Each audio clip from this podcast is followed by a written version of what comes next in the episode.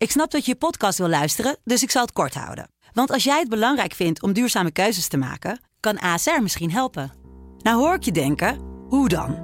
Nou, bijvoorbeeld bij het duurzaam herstellen van schade. Of de premies die we beleggen volgens ons duurzaam beleggingsbeleid. Dat bepaalt waar we wel en juist niet in investeren. Wil je meer weten over welke duurzame keuzes ASR maakt? Ga dan naar asr.nl/slash duurzame keuzes. ASR doet het. Zo, dan kan je nu lekker naar je podcast luisteren.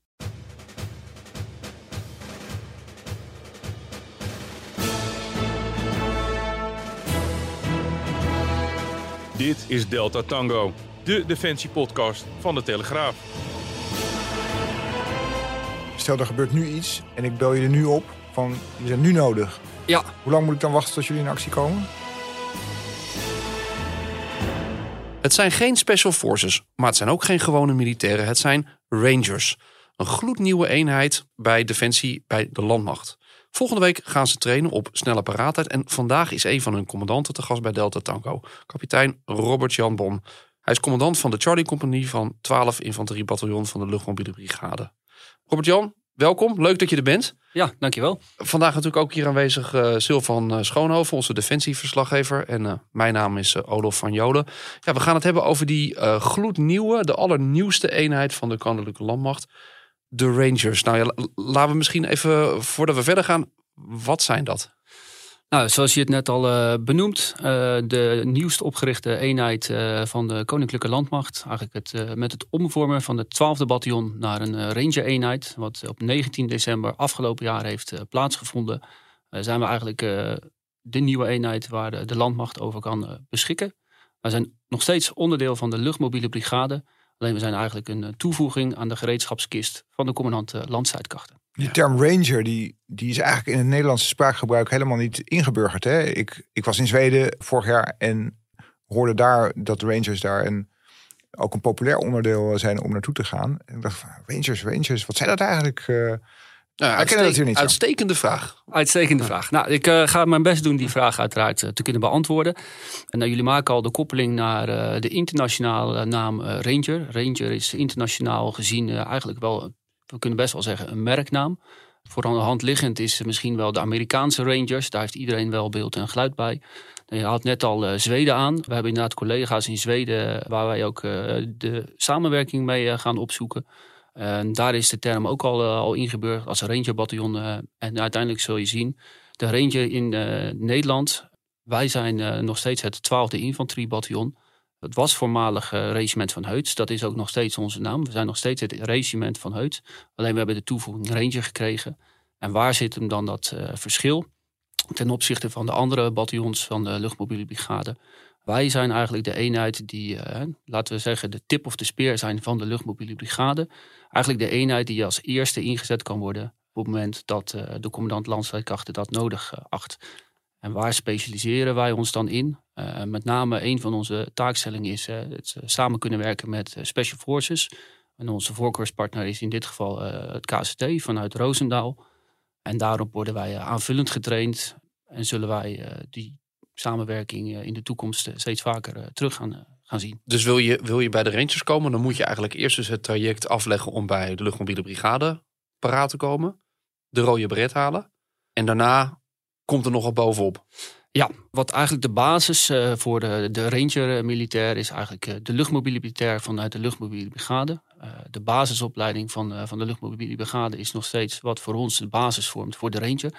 Alleen wat de Ranger dan extra heeft, is dat hij aan, aansluitend na het behalen van zijn rode beret een aanvullende training krijgt. En dat zit hem in een extra wapen- en schietopleiding. Het is een extra aanvullende training, waarbij gefocust wordt op eigenlijk het individu. Hoe werken we in de groepsverband samen? En hoe kunnen we mensen beter gaan voorbereiden? En hoe kunnen we eigenlijk de actieintelligentie, zoals wij dat noemen, gaan vergroten? We verwachten gewoon net even dat stapje extra van die eh, militair die eh ranger wil worden. Want er wordt dan gezegd hè, van eh, de ranger zit een beetje tussen special forces en de, ja, de reguliere eenheden in. Ja, hoe, hoe moet je dat voor je zien? Worden jullie net even ietsje harder getraind? Of trainen jullie ook met andersoortige wapens? Of waar zit nou precies het verschil in? Ja, het verschil is. kijk, men maakt graag de koppeling naar special forces. Dat is wat in de volksmond vaak gebeurt. En ook als je naar de Amerikanen kijkt, zijn de Rangers natuurlijk. die, men noemt dat eh, eigenlijk in één zin met de Special Forces. Waar het bij ons in zit, is uh, vanuit het verleden had de luchtmobiele brigade altijd al de samenwerking met de Special Forces om uh, daar waar nodig de Special Forces te gaan, gaan uh, ondersteunen. Dat noemden we dan een Special Operations Task Group. En er werd er aan de luchtmobiele brigade gevraagd om capaciteiten toe te voegen aan de, aan de Special Forces. Dan had je het over taken, ondersteunende taken. Dus bijvoorbeeld ja. een 360 bewaking, een grotere ring om een bepaald gebied heen, waarbinnen dan bijvoorbeeld commando's aan de gang waren. Juist, daar sla je helemaal de spijker mee op zijn, zijn kop. Maar ook bijvoorbeeld inderdaad het toevoegen van mortiercapaciteit, het toevoegen van de geniecapaciteit, om eigenlijk de Special Force te kunnen ondersteunen. En eigenlijk met het omvormen van het 12e bataljon naar een volwaardig Ranger geven we eigenlijk daarmee uh, formeel ook daar uh, de invulling aan. Om uh, dat uiteindelijk te formaliseren. Want was dat echt nodig? Was er grote behoefte aan, aan ja, wij spreken die, die tussenvorm tussen luchtmobiele militairen, die natuurlijk al extra goed zijn, laten we het zo zeggen. Want, want het is gewoon een zwaardere uh, opleiding en een, een, test om daar doorheen te komen. Waar, kwam die behoefte vandaan?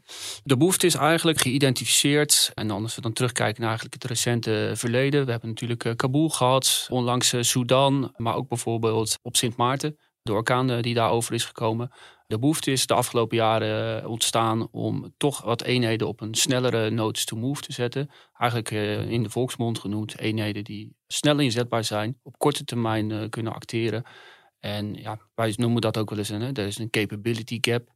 En daarmee geven we daar nu. Je wil gewoon per se helder hebben dat als zo'n uh, bijvoorbeeld zo'n internationale crisis ontstaat, op hun kunnen we een beroep doen. En je hoeft niet dan eerst nog eens een keer te gaan kijken wie binnen zo'n luchtmobiele brigade beschikbaar is of wel of niet kan. Zij zijn ervan, als nodig is, drukken we op de knop en kunnen we aansluiten bij zo'n commando-eenheid die op pad gaat. Ja, en dat is, dat is precies waar uh, het 12e bataljon, uh, waarom wij nu omgevormd worden tot Ranger bataljon. Een van de taken die aan het 12e bataljon ook toebedeeld is, is inderdaad het vormen van de Rapid Reaction Kooi land die de commandant landstrijdkrachten beschikbaar heeft gesteld om op zeer korte termijn eh, daadwerkelijk eh, te kunnen reageren in het kader van een, een crisisoperatie of daar waar de behoefte is. En dat is waar eh, wij nu inderdaad voor aan de paal staan. Je noemde net al even Sint Maarten, de, de orkanenramp daar. Ja. Dat zou zo'n typische klus zijn voor uh, zo'n range Jij, jij, was zelf op Sint Maarten toen, hè? Ja, dat klopt. Ik ben uh, zelf op uh, Sint Maarten geweest. om even aan te haken op jouw vraag. Inderdaad, welke taken zijn dan specifiek aan ons toebedeeld inderdaad als rangerbataljon? Dat is het uitvoeren van NEO-operaties, Non-Combatant Evacuation Operations, First Crisis Response. En dat is eigenlijk in de breedte van de context zoals je dat kan bedenken harde operaties. En voor de mensen die dat misschien niet weten, dat staat voor Humanitarian Assistance and Disaster Relief. En daar is bijvoorbeeld Sint Maarten een, eh, een voorbeeld van. Ja, en verder staan wij uiteraard uh, gereed om speciale operaties. Met ja, maar even, hoe, hoe, was dat? Hoe ging dat? Ja, hoe ging dat? Ik ben heel benieuwd. Ja, uh, vanuit nou ja, Sint Maarten. Toen destijds uh, ben ik daar ook geweest. vanuit de luchtmobiele brigade zijn we toegevoegd aan waren we de zogenoemde Compie in de West, die de landmacht al geruime tijd levert. Wat we toen hebben gedaan. Dat jullie waren op het eiland al of waren jullie nog gewoon in Schaarsberg op de kazerne? Nee, eh, de eenheid waar ik toen eh, deel van uitmaakte was daar toen eh, gestationeerd. Toen eigenlijk door orkaan richting Sint Maarten ging. En uiteindelijk zijn wij toen ingevaren vanuit Curaçao richting Sint Maarten. Om daar de marinierseenheid die daar al zat te gaan ondersteunen. Eigenlijk toen bleek dat het toch wel uh, iets heftiger was geweest dan men aan de voorkant had, uh, had ingeschat. Wat trof je daar aan? Nou, wat troffen we daar toen aan? Eigenlijk een uh, luchthaven die volledig overhoop was, die niet meer inzetbaar was. De haven was eigenlijk ook niet meer inzetbaar en eigenlijk één grote chaos. Wat wij daar toen hebben gedaan, in samenspraak met de, de marinierseenheid die daar al, al was. Wij werden bij hun onder bevel gesteld toen. En wij zijn daar toen naartoe gegaan en toen hebben we een overleg met de mariniers hebben wij de opdracht gekregen om uh, daar eigenlijk de evacuatie vanaf het vliegveld op te gaan starten en uh, mogelijk te gaan uh, maken. Want er was toen ja, natuurlijk heel veel materiële schade, maar was ook maatschappelijke ontwrichting in de zin van heerste er chaos en anarchie op straat? Er werd geplunderd, uiteraard, als ik dat zo mag noemen. En op dat moment was het inderdaad, nou, zoals je van een, een rampgebied mag verwachten, de eerste uren na het passeren van de orkanen waren inderdaad nou, netjes noemen, chaotisch. En uiteindelijk uh, toen steeds meer De lokale politieeenheden, uh, wij daar waren, de mariniers waren daar, kregen we steeds meer uh, grip op de situatie. Waar begin je dan? Want dan ben ik nieuwsgierig naar. Want in feite, neem ons even mee. Je zit op Curaçao. Daar was het misschien gewoon hartstikke lekker weer. En er wordt op de knop gedrukt. Jongens, inpakken en wegwezen. Hoe, hoe, hoe, snel, hoe gaat dat en hoe snel gaat dat? Nou, wat we toen in elk geval nog niet hadden, en dat is misschien een leuke koppeling naar de, de Rapid Reaction Kooi, waar de 12e bataljon nu als taakstelling heeft toen zagen we de orkaan uh, langzaam aankomen in, het, in het Caribisch gebied. Daar op een gegeven moment komt er dan een gereedstellingsorder. Het kan wel eens de verkeerde kant op gaan. En dan begin je eigenlijk met de voorbereidingen treffen. Materiaal bij elkaar zoeken, voorraden bij elkaar zoeken. Identificeren wat hebben we aan spullen nodig. Om uiteindelijk richting Sint Maarten te kunnen gaan vertrekken. Dat kost een aantal dagen en dat is eigenlijk kostbare tijd die in zo'n geval verloren gaan. Nu zagen we dat gelukkig aankomen, dus hadden we daar tijd en ruimte voor. Maar om dan inderdaad te kijken van nou, hey, wat, wat houdt dat dan in? Zo'n snelle reactie-eenheid. dat zijn de dingen die we nu bijvoorbeeld dus allemaal aan de voorkant hebben geïdentificeerd, gereed hebben staan en uh, klaar hebben staan. Dus je kan het gewoon wij spreken uit, uh, uit de schuur trekken in... Ja, met de opdrachten waar het 12e bataljon nu voor staat. En met name het uitvoeren van de Rapid Reaction Kooi leert de ervaring. We hebben inmiddels een aantal keer een, een scenario doorlopen als training. Dat wij in staat zijn, waar dan ook vanuit Europa, binnen 24 uur op de kazerne te zijn. En dat we eigenlijk binnen 48 uur met onze spullen bepakt en bezakt gereed staan om waar dan ook ter wereld naartoe gereden, gevlogen, gevaren hm. te kunnen gaan worden. Een soort operaties, hè? Je, je noemde net ook al de evacuatie uit Kabul, Sint Maarten, waar je ook grip moet krijgen op die bevolking en de situatie daar. Je bent daar eigenlijk een beetje politieman, een beetje hulpverlener, maar ook militair. Ja. Is dat typisch voor de taak die je krijgt als ranger? Of dat typisch is voor de taak zijnde als ranger, uh, durf ik niet te zeggen. En ik kan eigenlijk alleen uh, refereren aan Sint Maarten vanuit mijn uh, persoonlijke ervaring. Wat ik daar heb meegemaakt, waar we daar het verschil hebben kunnen maken, is eigenlijk kunnen bouwen op het individu, op de individuele militair. We hebben daar gedurende de periode dat, dat ik daar op het vliegveld ben geweest, je moet je voorstellen dat daar op een gegeven moment zien mensen vliegtuigen vliegen. En dat waren in eerste instantie vliegtuigen met hulpgoederen. Maar al snel, vrij snel wordt dan de koppeling gemaakt, er wordt gevlogen, dus ik kan hier weg. Met een luchthaventerminal die gesloten was en niet operationeel inzetbaar omdat die in puin lag, werd de verzamelplaats, eigenlijk de parkeerplaats eh, bij het eh, vliegveld. Terwijl er eigenlijk geen vliegtuigen vliegen. En om dan toch te gaan kijken van hey, hoe gaan we daar uh, orde scheppen in de chaos die je daar. Want echt gezellig wordt het daar niet hoor, denk ik. Nee, het wordt daardoor niet uh, gezellig. Totdat je daar uh, structuren in gaat aanbrengen en daar eigenlijk de leiding neemt. Dat is wat er moet gaan gebeuren. We hebben daar gezien dat op het moment dat we jongens hebben die net even dat, dat stapje extra getraind zijn, dat die daar in staat zijn om zo'n mensenmassa daadwerkelijk kalm te kunnen krijgen, mensen naar de juiste uh, wachtrijen te kunnen dirigeren. En eigenlijk dan zie je vrij snel dat er in zo'n chaos toch een soort structuur ontstaat waar mensen zich aan uh, conformeren. Maar hoeveel mensen ben je daar dan? En ten opzichte van hoeveel mensen sta je? Want dat is natuurlijk best uh, ja, in het geval van uh, Sint Maarten was het een 75 man op het uh, vliegveld. Waarmee we eigenlijk alles uh, moesten doen. Eigenlijk het, het vliegveld, de perimeter vrijhouden van auto's die daar misschien dan wel mensen die over de landingsbaan liepen. om vliegoperaties mogelijk te maken. Tot en met, zoals ze dat dan misschien een beetje in politietermen noemen, crowdmanagement op een parkeerplaats. Je moet uitgaan van ongeveer 2000 mensen maximaal die jaar op de parkeerplaats buiten het, uh, het vliegveld uh, stonden. Tegenover een, een, 75 man die hun best doen om 24 uur 7 het vliegveld en vrij te houden, zodat de vliegoperaties uh, door kunnen gaan. En te voorkomen dat er nou, plunderingen plaatsvinden of ongewenste individuen op het luchthaventerrein komen. En dan ook nog kijken inderdaad hoe we dat in goede banen kunnen leiden om mensen ook nog daadwerkelijk te kunnen gaan evacueren. Moest je wel eens stevig ingrijpen op enig moment om te zorgen dat het allemaal onder controle bleef? Nou, uiteindelijk uh, zijn we daar vrij robuust in gegaan. En met robuust bedoel ik, uh, in eerste instantie wisten we niet wat we daar konden aantreffen. Dus toen uh, hebben we eigenlijk gewoon ons, onze uitrusting meegenomen. De lange wapens, maar ook de schilden en de knuppels van onze taak als, als BVW-eenheid. En dat betekent, BVW is een opleiding die krijgen wij van de Koninklijke Marché als je naar de, naar de West gaat. En dat staat eigenlijk voor het beteugelen van woelingen. Het is geen volwaardige ME-opleiding, maar de basisbeginselen daarvan uh, krijg je. En dat, daar leer je onder andere crowd control, crowd management, uh, komt daarin in terug. Wat we toen hebben gezien is inderdaad door daar robuust in te gaan, is dat we al vrij snel konden afschalen. En dat we eigenlijk daar met een, met in dit geval dan een pistool op de heup, dat we meer dan voldoende overwicht hadden. En dat hebben we toen ook gedaan. En dat, daar zit hem ook juist de kracht in, dat de individuele militair op een gegeven moment ook een commandant, die misschien wat verder naar achter het advies kan geven. We staan hier misschien nu wel heel erg overdressed. Dat is niet nodig, de situatie is onder controle. Dus laten we vooral afschalen.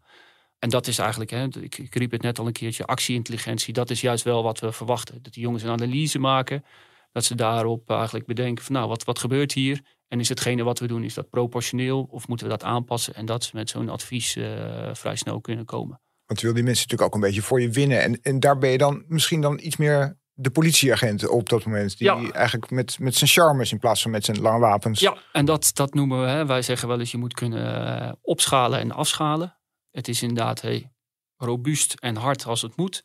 Maar ook kunnen deescaleren of deescalerend op kunnen treden op het moment uh, dat het kan. Opschalen is heel makkelijk en afschalen moet ook gewoon kunnen. Alleen dat vergt wel uh, wat ervaring inderdaad van hey, wanneer, uh, wanneer doe ik dat nou? Hoe lang zijn jullie uiteindelijk bezig geweest op Sint Maarten? Uiteindelijk zijn wij met de eenheid toen uh, ruim anderhalve maand op, op Sint Maarten gebleven. En daarna zijn we langzaam teruggegaan. Maar uiteindelijk is Defensie zijn op Sint Maarten best wel een, een lange tijd aanwezig geweest om te kunnen helpen met de wederopbouw. Wat is het meeste bijgebleven van die periode? Uiteindelijk wat uh, van Sint Maarten mij het meeste uh, bijgebleven is, inderdaad, is dat je daadwerkelijk uh, het verschil kan maken voor mensen daar op het moment dat je mensen daadwerkelijk van zo'n eiland af kan halen. Dat geeft voldoening. Mensen zijn daadwerkelijk in nood, in paniek. En op het moment dat je daar daadwerkelijk mensen na één of twee dagen, en soms moesten ze echt wel twee dagen wachten op een plekje dat een vlucht beschikbaar was. En dat je ze toch dan weg ziet gaan en dat ze die jongens bedanken nou, voor de goede zorgen de, de afgelopen dagen, ja, dat, dat geeft voldoening. Het interessante is natuurlijk, het is niet het typische beeld dat mensen zullen hebben bij de inzet van militairen. dan, dan toch ga je veel meer nadenken over, of in ieder geval beeld is veel meer van, van uh, ja, vechtmissies, uh, kinetisch, spannende dingen doen. En dit is, dit is heel iets anders. Ja, dat klopt. Uiteindelijk is, is de opdracht van het 12e bataljon en onze luchtmobiele brigade. Wij als 12e bataljon zijn nog steeds een gevechtseenheid die aerosol operaties moet kunnen uitvoeren. Maar daarnaast moeten wij ook eh, dit soort uh, operaties uh, kunnen gaan uitvoeren. En, dat maakt ons uiteindelijk ook uniek, zometeen als, als ranger-eenheid. Is dat we eigenlijk alle facetten moeten kunnen beheersen. Dat we heel snel op moeten schalen. We moeten hoog in het geweldspectrum kunnen opereren. Maar we moeten ook gewoon laag in het geweldspectrum kunnen opereren. En dat vereist training. En daar zijn we het afgelopen jaar eh, heel druk eh, mee bezig geweest. En neem ons even mee, want volgens mij betekent dat ook inderdaad hele mooie uh, trainingen en oefeningen doen. Hè? En dat kan ook grotendeels genezen in ons eigen land. Volgens mij is het natuurlijk sowieso al een traditie om van luchtmobiel om veel in Amerika te doen. Hoe heeft dat, hoe heeft dat jaar eruit gezien om, om jullie naar dat range niveau te tillen?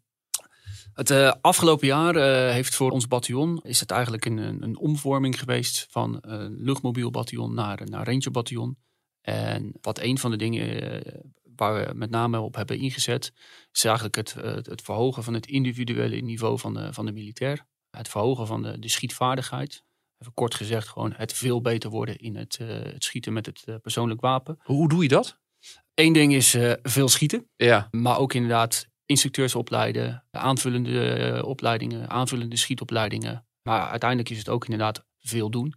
Kan ook weer. Het is inmiddels genoeg munitie. Het is inmiddels, uh, gaan we in elk geval eh, de goede kant op. Mondjesmaat hebben we de afgelopen jaren steeds weer er wat bij gehad. En in vergelijking met een aantal jaar geleden kan er gelukkig ook eh, steeds veel, veel meer.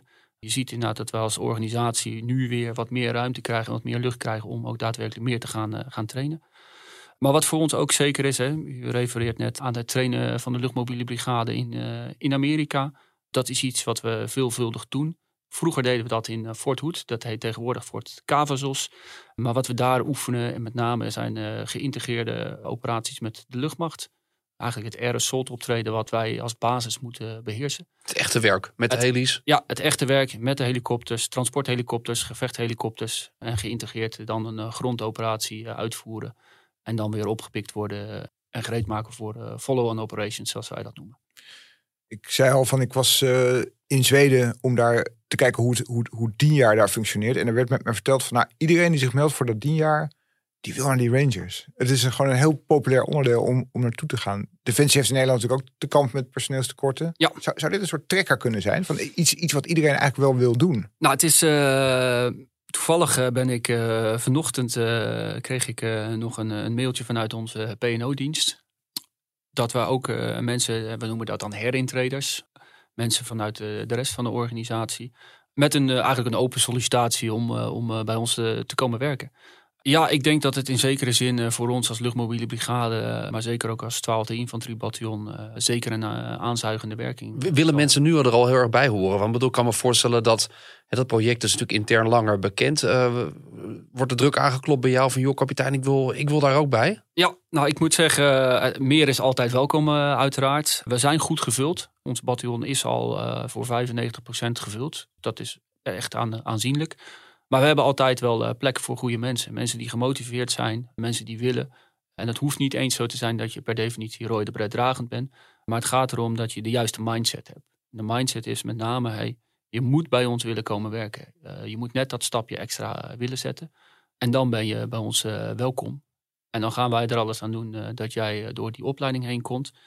Ja, dat klopt. Je moet dat stukje aanvullende opleiding doen. Maar dat is juist net dat beetje extra wat wij graag willen hebben. Wat jou net die eh, hele goede luchtmobiele militair maakt. Is het ook een beetje een trend, eh Sylvan die signaleert dat eh, ook van, je ziet dat meer en meer die specialisaties aandacht in Nederland krijgen. Is, is dat wel in bredere zin waar we meer naartoe gaan? Dat eh, toch meer van dit soort meer gespecialiseerde eenheden versus eh, de normale infanterie-eenheden die we kennen? Je hebt Marshof bij de Mariniers, hè? Je, Ja. hebt, je hebt KCT. Special Forces zijn echt, eh, nou ja, hot. Hè? Als Ja, je kijkt naar Kamp van normaal. Koningsbrugge, Ja. iedereen, iedereen eh, kijkt daar toch naar. Gaat het meer die kant op?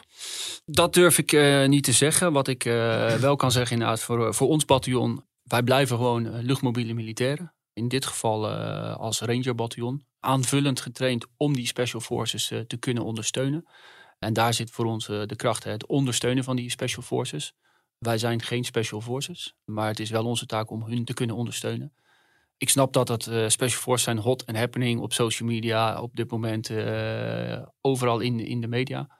Maar het is met name inderdaad de ondersteuning die wij kunnen bieden aan de Special Forces. Daar ligt onze, onze kracht. Helpt het wel een beetje in die, hè, die, dat hele, eh, die hele populariteit, ook in bredere zin toch wel, dat, dat mensen ook een, een, misschien een wat positiever beeld van het militaire vak krijgen. Dat ze toch misschien die programma's zien en denken, wauw, dat is toch wel wat. Zeker, ook in mijn, eh, mijn privéomgeving. hè. als je, mensen maken vaak wel de koppeling eh, met, eh, met een, bijvoorbeeld een kamp van Koningsbrugge. De luchtmobiele brigade heeft er ook een aantal jaren in samenspraak met KST ook aan meegewerkt. Er zijn jongens van luchtmobiel ook, eh, die hebben daaraan aan meegeholpen met, met die programma's. Ik denk wel dat het op lange termijn eh, bijdraagt aan de zichtbaarheid van Defensie. En dat mensen daar dan eh, wat sneller aan eh, gaan refereren. Dat zeker. In internationaal opzicht, eh, wat zijn nou bijzondere eh, acties waar, Rangers bij betrokken zijn geweest? Eh, waar, waar moeten we aan denken? Wat is in, in, de, grotere context? Nou, de grote context.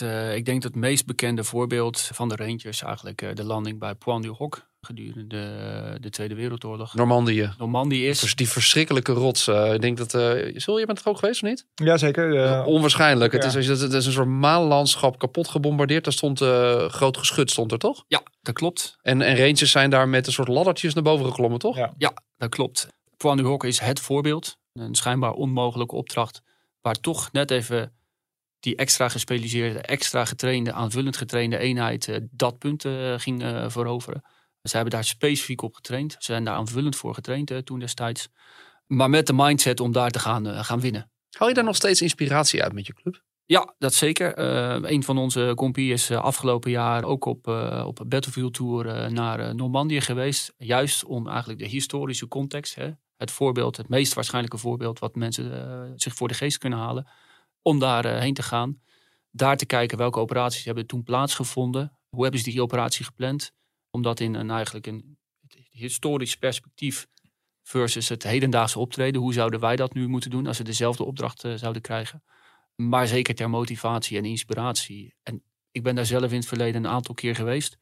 Het is een indrukwekkende plek. Ja, hoe sta je er als militair?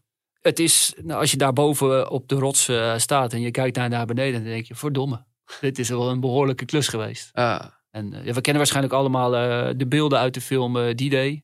Alleen eh, als je daar staat, eh, dan is het nog misschien wel vele malen meer eh, indrukwekkend. ja. Hoe gaat het komende jaar er voor je uitzien met de eenheid? Nou, voor het komende jaar, we hebben het er net al even over gehad. Mijn eenheid staat op dit moment eh, gereed eh, als Rapid Reaction Corps eh, land air manoeuvre. Waarbij het onze taak is om eigenlijk, eh, nou, we hebben het net over gehad, binnen afzienbare tijd inzetbaar te zijn op het moment dat er op, op de knop wordt gedrukt. Dat betekent dat wij eh, binnen 24 uur in Nederland eh, moeten kunnen zijn en aansluitend eh, ingezet moeten kunnen worden. De ervaring leert nu dat dat haalbaar is.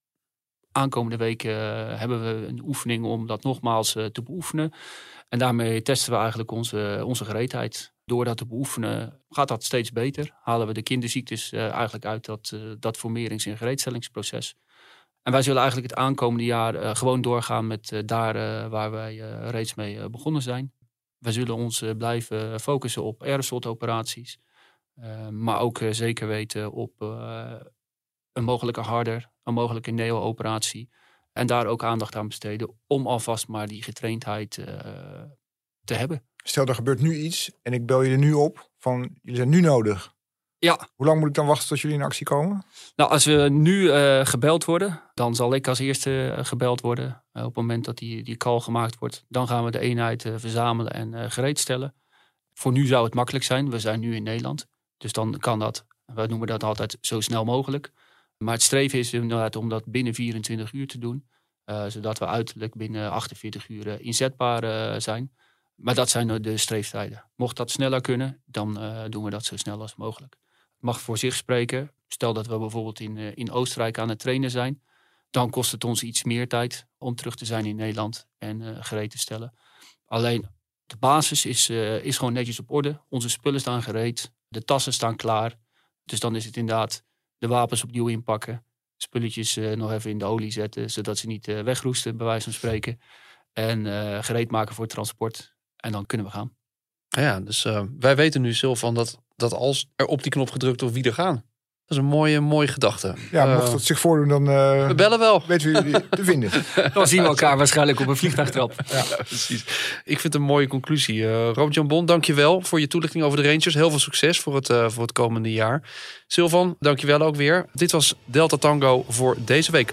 We hopen dat je met plezier hebt geluisterd. En als dat zo is, laat het ons weten. En laat een recensie achter op een van de podcastplatforms. Geef ons ook een waardering, zodat we nog beter zichtbaar worden... en nog door meer mensen gevonden kunnen worden. Delta Tango is er over twee weken weer... met een onderwerp uit de wereld van defensie en internationale veiligheid.